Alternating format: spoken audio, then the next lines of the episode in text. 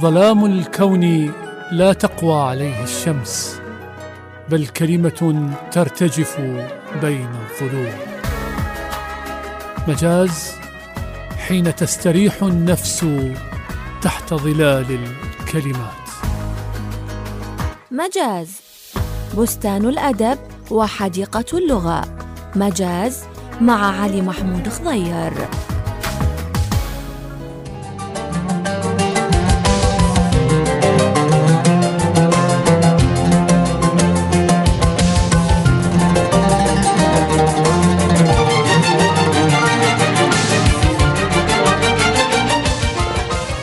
حياكم الله أحبتي أصدقائي المستمعين في لقاء جديد من لقاءات برنامج مجاز على الود والخير والعافية نلتقي ونرحب بكم من راديو Time Square.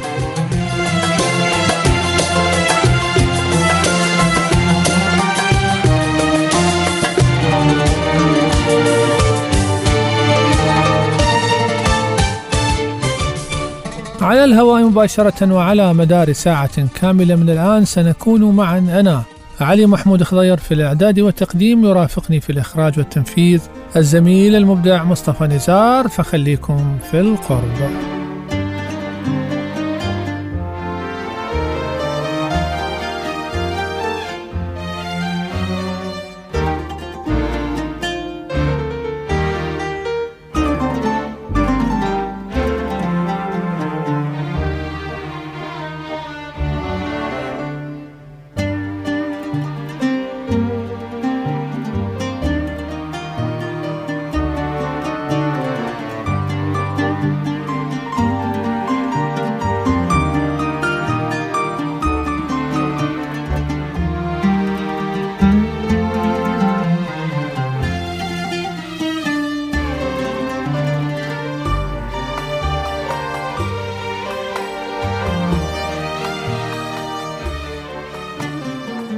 أهلا وسهلا بكم أحبتي أصدقائي المستمعين في حلقة جديدة ولقاء جديد من لقاءات برنامج مجاز. نلتقي على الخير والعافية ونتمنى تكونون أنتم واحبائكم بألف خير. حلقة خلينا في بدايتها نرحب بمن يستمع إلينا من محبي الأدب والثقافة والفن والكلمة من كل مكان سواء من الراديو موجتنا الثابتة 102.5 اف ام أو اللي يسمعنا من مواقع التواصل الاجتماعي وتطبيقات الهاتف المحمول ومنصات بودكاست في كل مكان. حياكم الله أجمعين ونرحب بكم أرقى ترحيب. الحلقة اليوم في مجاز ستكون حلقة مليئة بالتقارير والأفكار والمحاورات الجميلة والتي سنحاول فيها تسليط الضوء على آخر أخبار الثقافة والأدب. وعلى جديد المقالات والكتب ونتناقش سوية. إن شاء الله يا رب تكون حلقة ممتعة. فاصل أول ونتكلم بعده عن جديد الإصدارات في هذا الأسبوع كبداية وانطلاقة لحلقتنا لهذا اليوم. حياكم الله أصدقائي ومرحبا.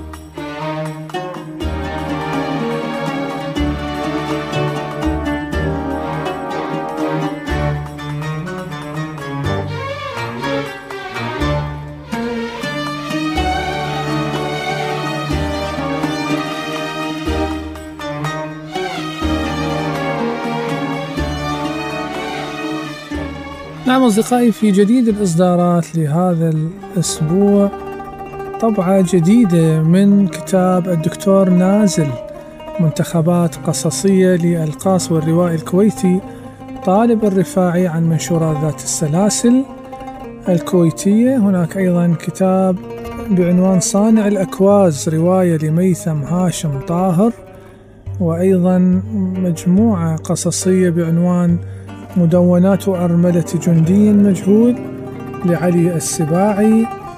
كتاب مهم أيضا للأستاذ الباحث والشاعر المتفرد شاكر العيبي بعنوان جواد سليم الوجه الآخر تقديم يوسف الناصر عن سلسلة فنون لدار خطوط وظلال حقيقة الشاعر والباحث والناقد الأستاذ شاكر العيبي واحد من ألمع الأسماء العراقية والعربية التي يفتخر بها أدبنا الحديث والذي حقيقة يقدم على الدوام إضافات معرفية تستحق القراءة وهي دعوة مني ومن برنامج مجاز لقراءة هذا الكاتب اللي أنا متأكد لو هذا الكاتب عند الغرب أو في مصر أو في لبنان كان تهافتنا على كتبه لكن لأن عراقي ربما ما أعرف. من الكتب الجديدة كتاب العيش على ضفاف الشعر في الخطاب النقدي عند حاتم الصقر للمؤلف دكتور علي محمد ياسين عن دار الشؤون الثقافية وأخيرا مجموعة شعرية جديدة للشاعر عماد جبار بعنوان الطيور تداوي جراحاتها بالسفر عن دار الفينيق للنشر والتوزيع مبارك لكل الأحبة الأصدقاء والأساتذة إصداراتهم وتحية للإنتاج المستمر والتواصل مع الكتابة والمعرفة أحبتي.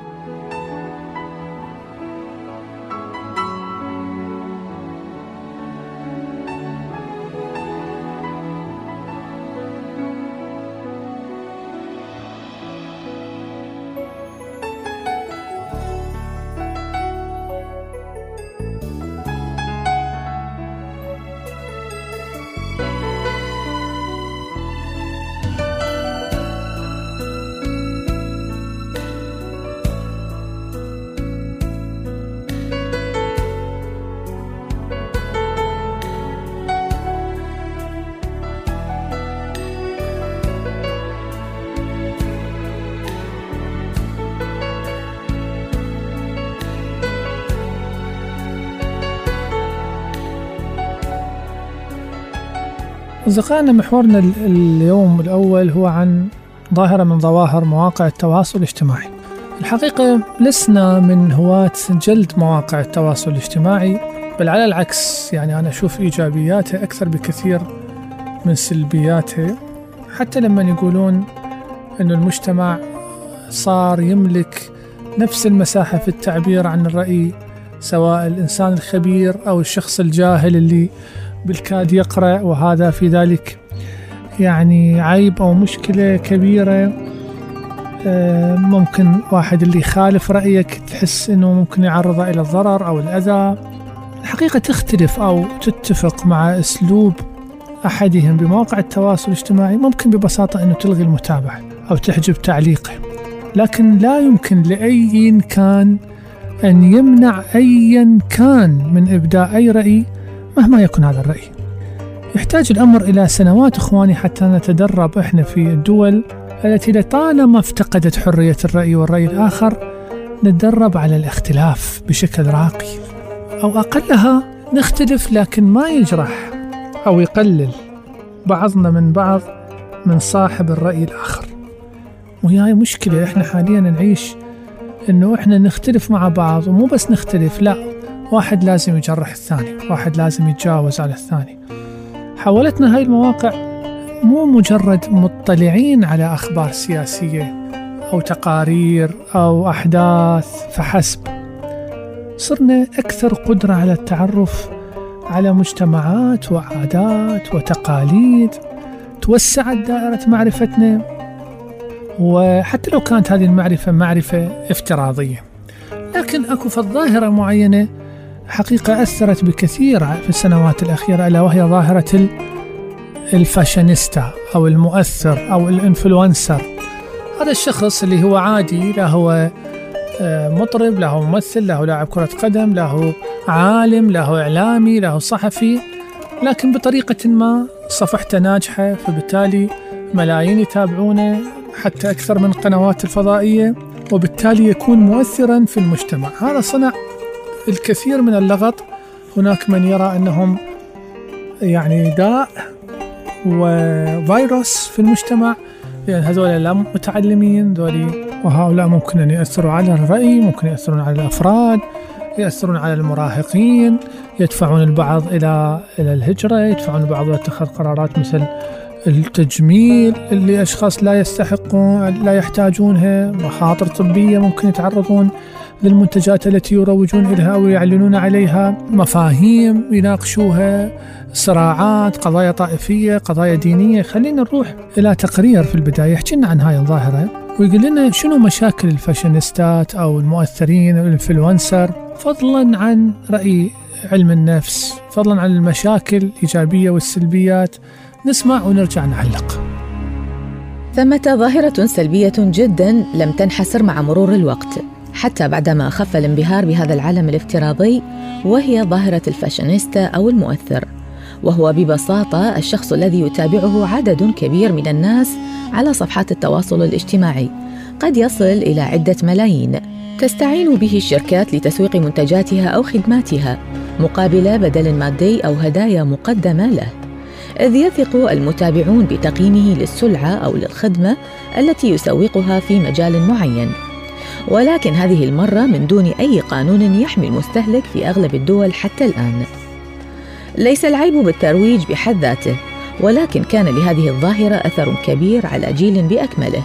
فالدور الذي يقوم به المؤثر أو المؤثرة لا يقتصر على تسويق منتج أو خدمة، بل صار الأمر أشبه بتسويق أسلوب ومستوى حياة هي أبعد ما تكون عن الواقع.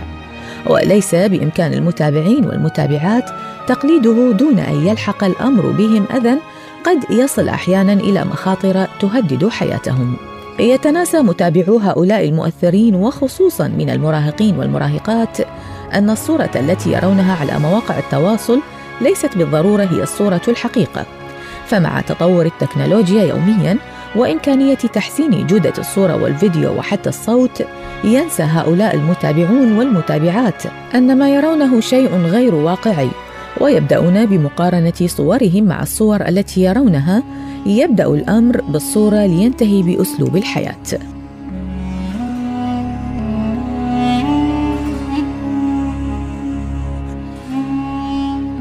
المؤثر يتقاضى مقابلا لتسويق منتج ومنتجع سياحي ومعلم سياحي وغير ذلك بينما يجلس المتابع ساعات أمام الشاشة يتابع تفاصيل حياة هذا المؤثر وكأن هذه الحياة التي عليه هو أن يعيشها.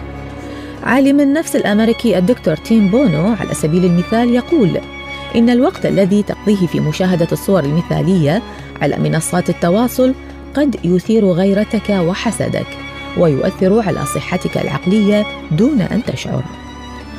يقارن المتابع إن لم يكن على درجة عالية جدا من الوعي صورته وأسلوب حياته بأسلوب حياة هؤلاء.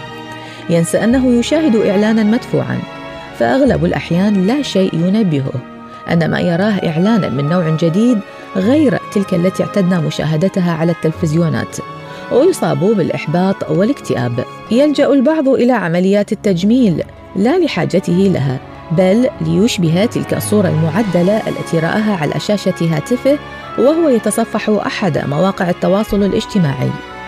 يصاب المراهقون باضطرابات في الأكل يفقدون شهيتهم ويصابون بأمراض نفسية وجسدية. لا يمكن أن ننكر أن بعض هؤلاء المؤثرين يقدمون محتوى جيدا ويساهمون بالكثير من حملات التوعية بشتى المجالات. ولكن في الوقت نفسه لا يمكن إلا أن نذكر الآثار التدميرية التي رافقت وترافق هذه الظاهرة. نعم أصدقائي مثل ما شفنا بالتقرير مو بس المراهقين وحدهم عرضة للتأثيرات السلبية للمؤثرين. حتى النساء والرجال اللي يعانون من ضغط الحياة يشردون من مواقعهم أو من واقعهم إلى هاي الحسابات. ويبدأ بعد ذلك الشعور بعدم الرضا على ما يملكون عدم الرضا على أعمالهم عدم الرضا على أشكالهم على أسلوب حياتهم. لما نشوف واحد أو وحدة قاعدة بدبي وعندها فلوس كل الغداء بمطعم والعشاء بمطعم وباشر تطلع بحفلة. والفساتين والمكياج والسفرات السياحية. هاي كلها تأثيرات نفسية خطيرة. تزداد هاي المخاطر لما يصير الأطفال جزء من هاي اللعبة التسويقية. أكو نوع أطفال مؤثرين وأطفال متأثرين. واللي ما يشبه الأول قد يكون عرضة للتنمر. سمعنا إحنا عن أطفال وصلت بهم الأمر إلى الإقدام على الانتحار بسبب التنمر اللي تعرضوا إليه على صفحات التواصل الاجتماعي. مو بس هاي أكو مواقع يعني قنوات مال الأطفال. يا شباب يا أولياء الأمور اسمعوني. الطفل اللي بيها يحكي عن الزواج المبكر ويحكي مثلا عن وحدة مسيحية رادة تصير مسلمة وأهلها ما خلوها. أنا بنفسي شايف عندني هذا كلام ما يصير إنه يتكلمون به مع أطفال بعمر آه، تسع سنوات عشر سنوات أقل أكثر. أكو بعد الاتعس أكو اللي يحكي بالجن واللي يحكي بالوحوش واللي يحكي بالأرواح الشريرة وهو يحكي ويا أطفال. هاي كلها لازم إحنا ننتبه لها. ونراقبها ونصرف وقت على الأولاد. جاي يشوفون ونتحاور وياهم. ونقول لهم بابا ترى هذا اللي باليوتيوب وكأنه شخص بالشارع. يعني ما يختلف أنت رايح ماخذ لك فلوس ألف دينار تشتري شبس ونستله من الأسواق القريبة. وصاح لك واحد قال لك تعال أحكي لك سالفة بالشارع رجال كبير. تقعد وياه؟ راح يقول لك لا. إلا خلاص هذا اللي بالإنترنت باليوتيوب نفس اللي بالشارع ترى. ما يفرق بس مجرد عنده كاميرا وإنترنت أو موبايل وإنترنت.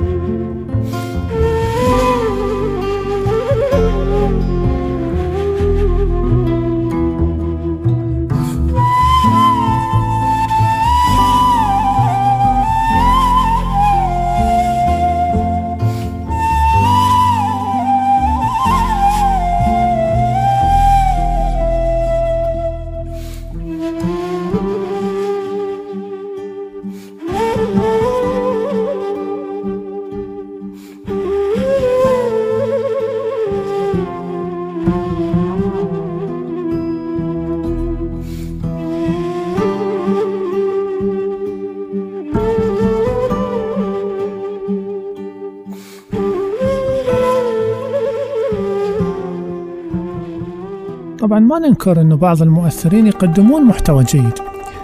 يسهمون بالكثير من حملات التوعية بشتى المسائل المجالات. هذا فضلا عن المبادرات الإنسانية والمجتمعية اللي يسووها. لكن إضافة إلى ذلك الوقت نفسه لا يمكن إلا أن نذكر بالآثار التدميرية اللي رافقت وترافق هذه الظواهر. وإذا كان استمرارها هو جزء من حرية الرأي لكن التوعية ووضع الضوابط اللي تحمي المتلقي وتنبهه هو واجب وضرورة. يعني إذا هيك الفاشينيستات ما يخالف بس جماعة التسويق السلعي مشاكلهم محدودة. لكن المشكلة تزداد عمق إذا تعاملنا مع المؤثرين من نوع آخر. تعرفون كل مجال إلى مؤثرينه أكو مؤثرين بالطب اللي ينقلون معلومات خاطئة. بالفن بالسياسة بالصحافة. صارت عندنا أشخاص مصنوعين من وهم الصورة البراقة والكلام المنمق هذول ينظر لهم شريحة واسعة من المجتمع بتعلق شديد. يعني رغم إنه ما عندهم ديش القدرات يعني أغلبهم ما كان ما عندهم ديش القدرات أو الدراسة أو الانضباط المهني. زين؟ يقدمون محتوى استهلاكي ويعملون بشكل لا يختلف عن أي سلعة أخرى يروج لها المؤثر نفسه الفاشينيست نفسه أو نفسها باعتبار أنه ما هو مدى ال quality في هذه السلعة التي يروج يروج لها ما هو ال quality في المادة المطروحة الكلام بعضهم بعضهم يعني يتكلمون عن اللهجات. يفسرون أغاني يفسرون أمثال شعبية يفسرون كلمات كلها خطأ بخطأ. يعني والعالم ذولي تأخذهم بالملايين وبالتالي ترسخ لمفهوم الخطأ. الحقيقة المجال ضيق كانت تناولنا يعني أمثلة كثيرة في هذا المجال. آه، يتعب المختص في التوضيح وما حد يسمع له. في كل المجالات سواء الطبية أو الإعلامية أو التاريخية أو الدينية. ويجي هذا بلحظة ويسرب له آه، معلومة خاطئة يشوش بها حقائق وثوابت آه، مهمة.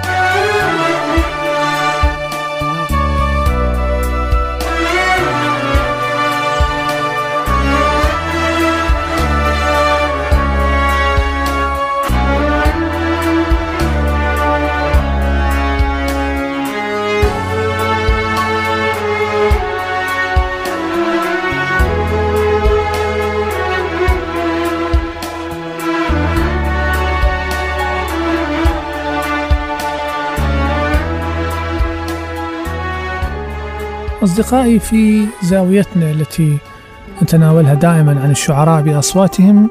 اليوم راح تسمعون لقصيدة فتية بلا كهف للشاعر المبدع حسين هليل. حقيقة الشاعر حسين من الشعراء الشباب المميزين جدا. فاز مؤخرا بمسابقة أدب الشباب لعام 2023 اللي نظمها اتحاد الأدباء والكتاب في العراق وصدر عن هذه المسابقة كتاب أو مجموعته الشعرية الأولى المعنونة بسفر بقطار عاطل اللي حازت على المرتبة الأولى في مجال الشعر. راح نسمع قصيدة من هذه المجموعة بصوت الشاعر حسين هليل فنسمع ونعود معا. فتية بلا كهف فتشت عمرا ولم أعثر على الخوف كأنني جئت هذا الكون من خلفي.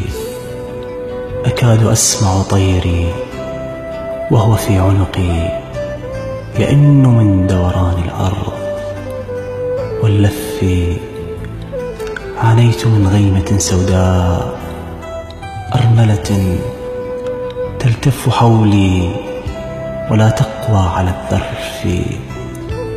عيناي نهران جفا حينما انسدلت شمس الضحايا على رأسي بما يكفي.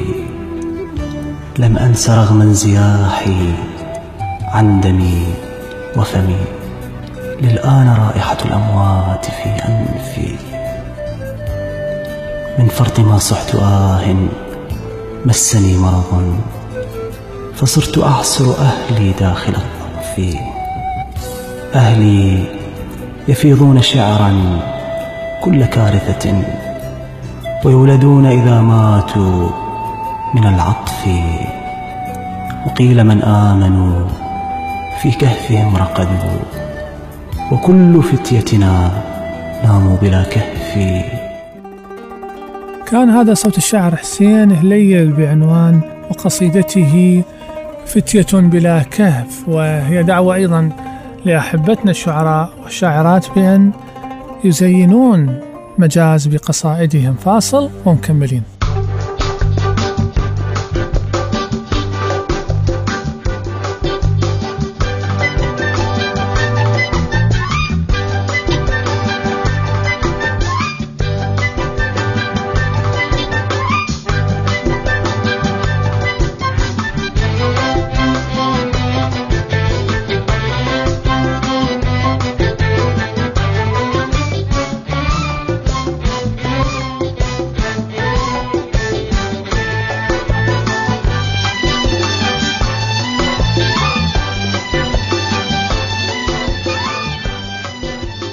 نعم أصدقائي مستمرين معكم في برنامج مجاز واحدة من المشاكل الخطيرة التي تضرب في الشباب هذا العصر هي مسألة التعاطي. حقيقة واحدة من المشاكل الحادة اللي كثير من أسبابها يعود إلى طبيعة العصر اللي جاي نعيشه.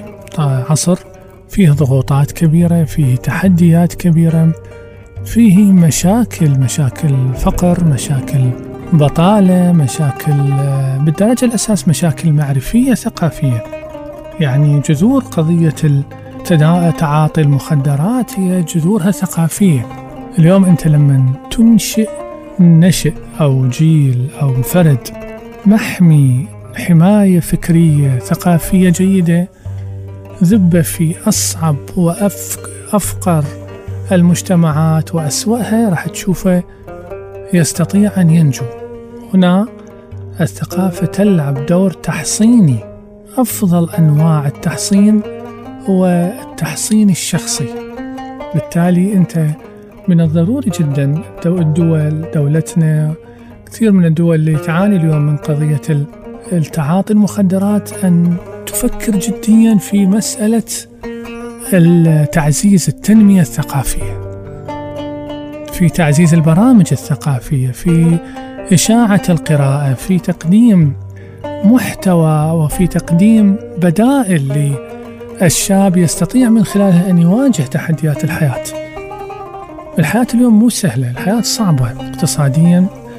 الفلوس صعب تتحصل الزواج تكوين أسرة إنجاب طفل كلها هاي أمور يعني يمر بها الإنسان بضغوطات كبيرة. فقد حرمان خسارات انكسارات. بالتالي أنت يجب أن تكون نشئ عنده قدرة على التعامل مع المشكلة. عنده قدرة على عبور المشكلة أو على تجاوزها أو على خلينا نسميه وجود حلول لمأزق الحياة. بالتالي حتى لا يلجأ إلى البدائل اللي تسبب له تدهور على صعيد الصحة الجسدية. والعقلية والتراجع بالأداء العملي والتحصيلي وتآكل بالعلاقات الاجتماعية والعائلية. اليوم إحنا نشوف العراق من أكثر الدول حالات طلاق وعنف أسري وصار يعني النساء تقتل الأطفال والآباء والأخوان يتعاركون ونسب الانتحار. هذه كلها مشاكل تعاطي.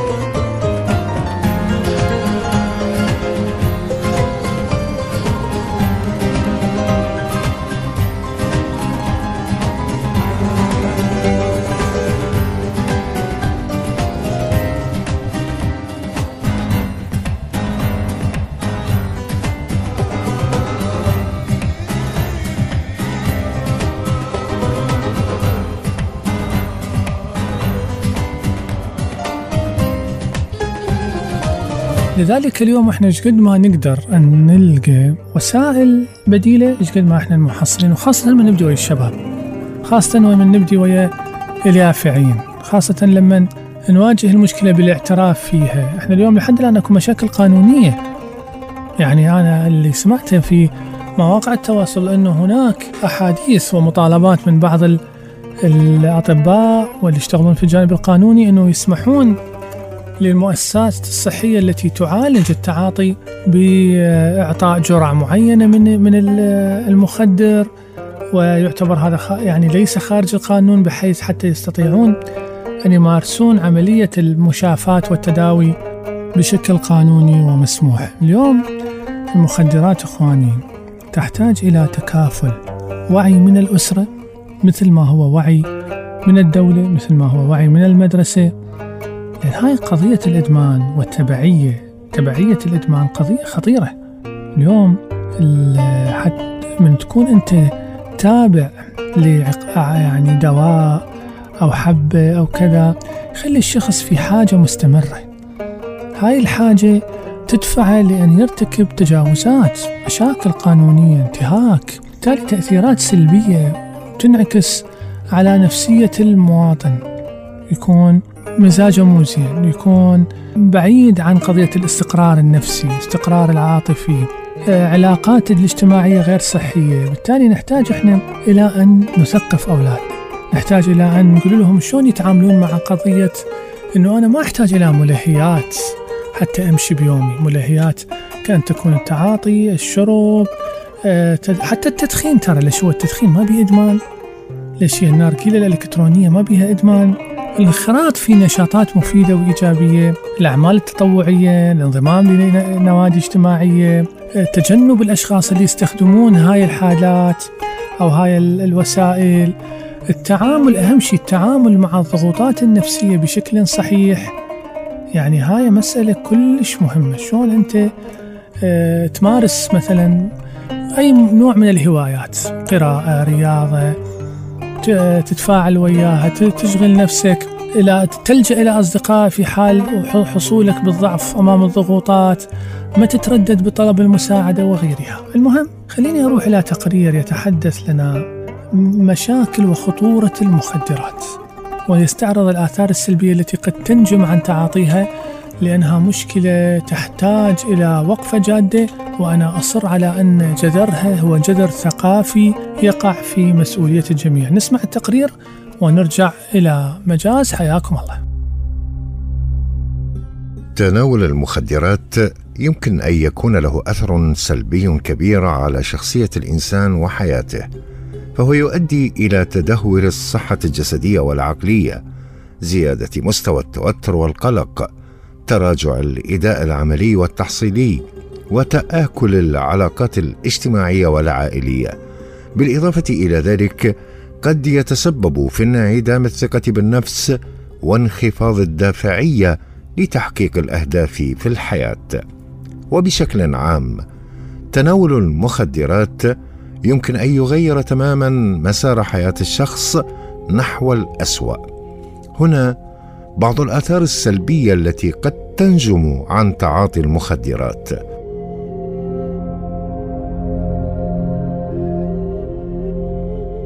اولا تسبب المخدرات اضرارا جسدية خطيرة مثل ضعف الجهاز المناعي والأعضاء الداخلية ومشاكل القلب والرئتين والأمراض المعدية المرتبطة بالحقن. ثانيا تسبب المخدرات اضطرابات نفسية وعقلية مثل القلق الاكتئاب وفقدان الذاكرة والتركيز. ثالثا تدني الأداء العملي والتحصيلي. يمكن للمخدرات أن تؤثر على القدرات العقلية والجسدية للشخص مما يؤدي إلى تدني الأداء في العمل والدراسة. رابعا تتسبب المخدرات في تطور الإدمان والتبعية مما يجعل الشخص في حاجة مستمرة لتناول المزيد من المخدرات للشعور بالراحة والهدوء. خامسا العلاقات الاجتماعية والعائلية. يمكن أن تؤدي التعاطي المستمر للمخدرات إلى تدهور العلاقات الاجتماعية والعائلية وزيادة العزلة والانعزالية.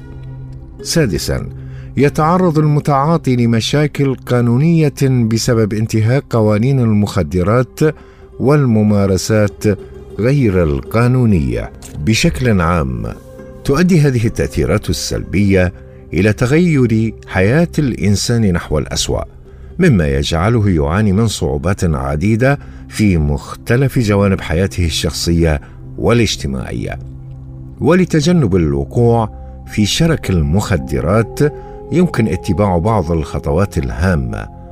اولا اطلع على المخاطر والآثار السلبية لتعاطي المخدرات على الصحة والحياة. تحصل على المعرفة من مصادر موثوقة والتواصل مع الخبراء في المجال الصحي. ثانيا قم ببناء علاقات اجتماعية صحية ومؤثرة مع أصدقاء وعائلة يدعمون الحياة النظيفة. والصحية. ثالثا حاول التعامل بشكل صحيح مع التحديات والضغوط النفسية بوسائل إيجابية مثل ممارسة الرياضة والاسترخاء والتفاعل مع الهوايات. رابعا البحث عن أهداف وهدف في الحياة. حدد أهدافا وأحلاما واعمل على تحقيقها. هذا يساعد على الحفاظ على التركيز والتفكير بإيجابية. خامسا انخراط في أنشطة مفيدة وإيجابية مثل المشاركة في العمل التطوعي أو الانضمام إلى نوادي اجتماعية. سادسا تجنب التعامل مع أشخاص يستخدمون المخدرات أو الوقوع في الأماكن التي قد تعرضك للمخدرات. سابعا في حالة الشعور بالضعف أمام الضغوط لا تتردد في طلب المساعدة من أصدقاء أو مستشارين مختصين في مجال الإدمان. إذا وحدة أنا أعتقد وحدة من أهم وسائل الدفاع ضد آه، مشكلة تعاطي المخدرات هو تقديس الحياة. يعني تعميق ثقافة الحياة وحب الحياة. لأن أنت من تقول له أنه أنت التعاطي ممكن أن يؤدي بك إلى اضطرابات بالقلب. إلى ارتفاعات خطيرة في ضغط الدم قد يؤدي إلى حدوث انفجار بالشرايين. نوبات من الصرع هاي مشكلة كبيرة. يعني تصير عنده حتى التهابات بالمخ تؤدي إلى شعور بالهلوسة فقدان الذاكرة تليف الكبد كثير من المشاكل. فهذا يعني أنت شنو مشكلتك؟ ليش تذب نفسك بحيث تدمر هذا الجسد الذي هو هدية لك لمرة واحدة؟ إذا أخواني نروح إلى فاصل. ونكمل وياكم مجاز. حياكم الله فاصل ونكمل.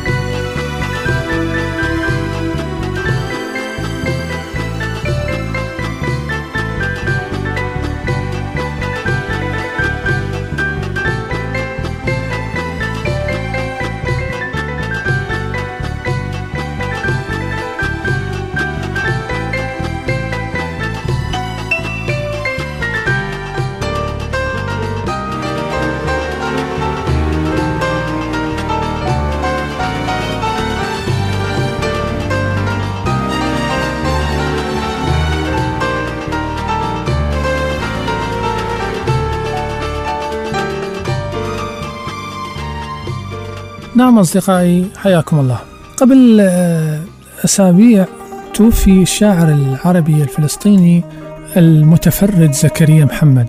حقيقة زكريا رحيل شاعر خاص له مواصفات فريدة. هو يشكل خسارة كبيرة حقيقية للشعر ولكتاب الشعر ولمحبين الشعر. زكريا محمد إحنا من نقول الشعر الفلسطيني راح راسا يجي ببالنا محمود درويش. حقيقة زكريا كان ما نقول الضد النوعي كان النسيج الخاص المواجه أو المقابل أو أو, أو البديل أو ال النوع المقابل إلى نوع محمود درويش. يعني من القصائد الأولى اللي نشرها بالسبعينات أواخر السبعينات لفت الانتباه إليه إلى نبرة شعرية جديدة متفردة وبعيدة كل البعد عن الأصوات الكبرى السائدة في الشعر العربي. يعني هاي هنا هي فرادة زكريا أنه هو عنده وعي وعنده موهبة وعنده وعي أيضا نعيدها مرة ثانية أنه كيف يختط لنفسه خط خاص به.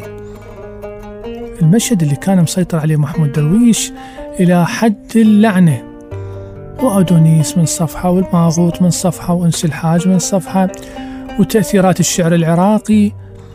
استطاع هو بقدرته أولا بثقافته العالية. الرجل مهتم بالأنثروبولوجيا يكتب في التاريخ. الرجل متعلم تعليم أكاديمي من أعلى ما يكون. ملم بعلوم اللغة يعني عندك قدرة على التقاط المعنى الجمالي أو الاشتغال الجمالي. وأنا أحب تجربته كثيرا اهتمامه بالكائنات الأخرى. طبيعة خاصة كان مغرم بالطبيعة مغرم بالكائنات الحيوانات. يكتب عن الريح وعن الشجرة وعن الأرض وعن النبات وعن الحيوان وعن الماء وعن النهر وعن البحر بطريقة غير كلاسيكية.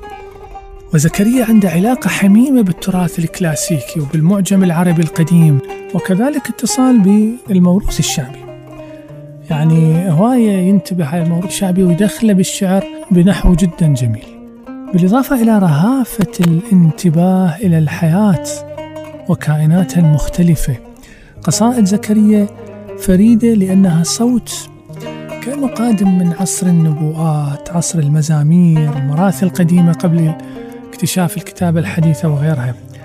قوة خيال عنده خيال على مزج الأماكن والتداخل بين الواقع والخيال وبين الحلم والحقيقة. قصايدة حلوة قصايدة نسيج خاص قصايدة عالم خاص. تتفق تختلف إنه هي شعر مو شعر نصوص لكن هي اقتراح شعري جيد جدا في قصيدة النثر في رأيي يعني. نروح إلى تقرير يتحدث عن شعرية زكريا أحمد وخصوصيتها ونرجع حياكم الله. تتولد الشعرية في هذا المقام من اللعب بأدوات الشعر وتقنياته وحدوده. فنعثر على شعر يعادي الشعر ومنطقه. يكتب على صفحته في موقع فيسبوك في العشرين من مايو آيار. الشعر طريقة موفقة لعدم قول أي شيء. ولكنه يكتب شعرا يريد أن يقول كل شيء دفعة واحدة وكأن مشروعية الكتابة عنده تتأتى من أنها دفع للكلام نحو نهايته بعد تحميله ما لا يطيق بشكل أشبه بالتعذيب.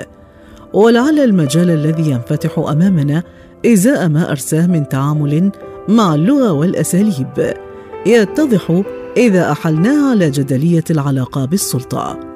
فزكريا محمد يرفض كل السلطات ومن ضمنها سلطة الشعر وسلطة اللغة. يحاول أن يكتب نصا ناجيا من آثار كل الاستعمالات السابقة فلا يلجأ إلى استئناف أو تطوير ما قام به بنفسه أو ما اشتغل عليه سواه بل يذهب مباشرة إلى ما يعده محاولة في كتابة الأثر الصافي للأحداث والأشياء. يبحث عن الأكثر يومية في اليومي. والأكثر عادية في العادي والأكثر خفة في الخفيف. ويكتب كل ذلك مباشرة بلغة تسخر من أدواتها ومن سلطاتها. وتوظف القاموسي والوعر إلى جانب المستحدث والجديد من دون تمييز. وكأن العملية الشعرية بالمفرمة العملاقة وفق تعبير أثير لديه. لدي تسع مجموعات شعرية وأريد الوصول إلى الرقم عشرة. أريد أن أحصل على الرقمين صفر وواحد معا. كي أضعهما أمامي مثل ماكينة خياطة أرفو بها الكون جاعلا منه قطعة واحدة. العبور البرقي من الشخصي والذي لا يهم أحد إلى الكوني والخلاصي يشكل طبقة صلبة من السخرية. اللغة هنا عبارة عن كوكتيل خاص من لغة الأطفال وأحلامهم ولغة الهذيانات. ولكنها في الآن نفسه. لا تنتسب إلى أي من هذه اللغات بل تستعيدها في إطار نفيها.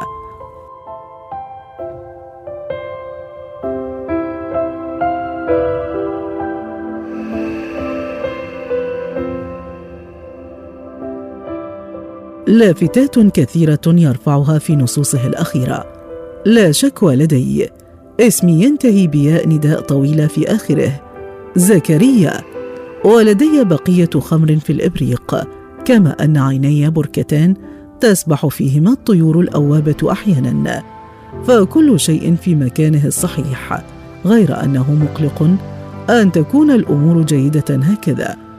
هذا كمال قابل للكسر جمال يحمل موته في داخله.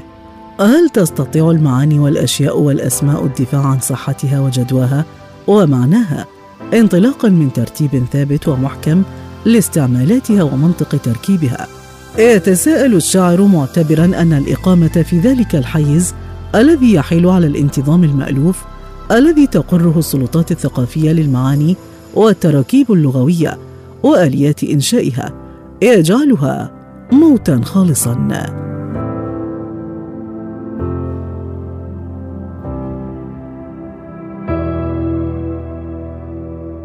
ومع هذا التقرير الجميل اللي سمعناه معا عن الشاعر الراحل زكريا محمد نصل وإياكم إلى نهاية حلقتنا لهذا اليوم من برنامج مجاز. تقبلوا في النهاية تحياتي أخوكم علي محمود خضير في الإعداد والتقديم وهذه أجمل وأرق وأطيب تحية من الزميل المخرج المبدع مصطفى نزار. حتى نلتقي لقاء قريب قادم أتمنى لكم أطيب الأوقات مع باقي برامج الإذاعة. كونوا في رعاية الله وحفظه.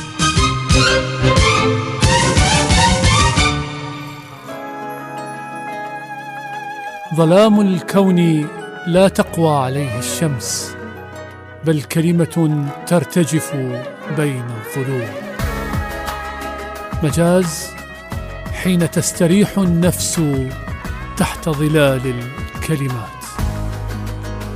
مجاز بستان الأدب وحديقة اللغة. مجاز مع علي محمود خضير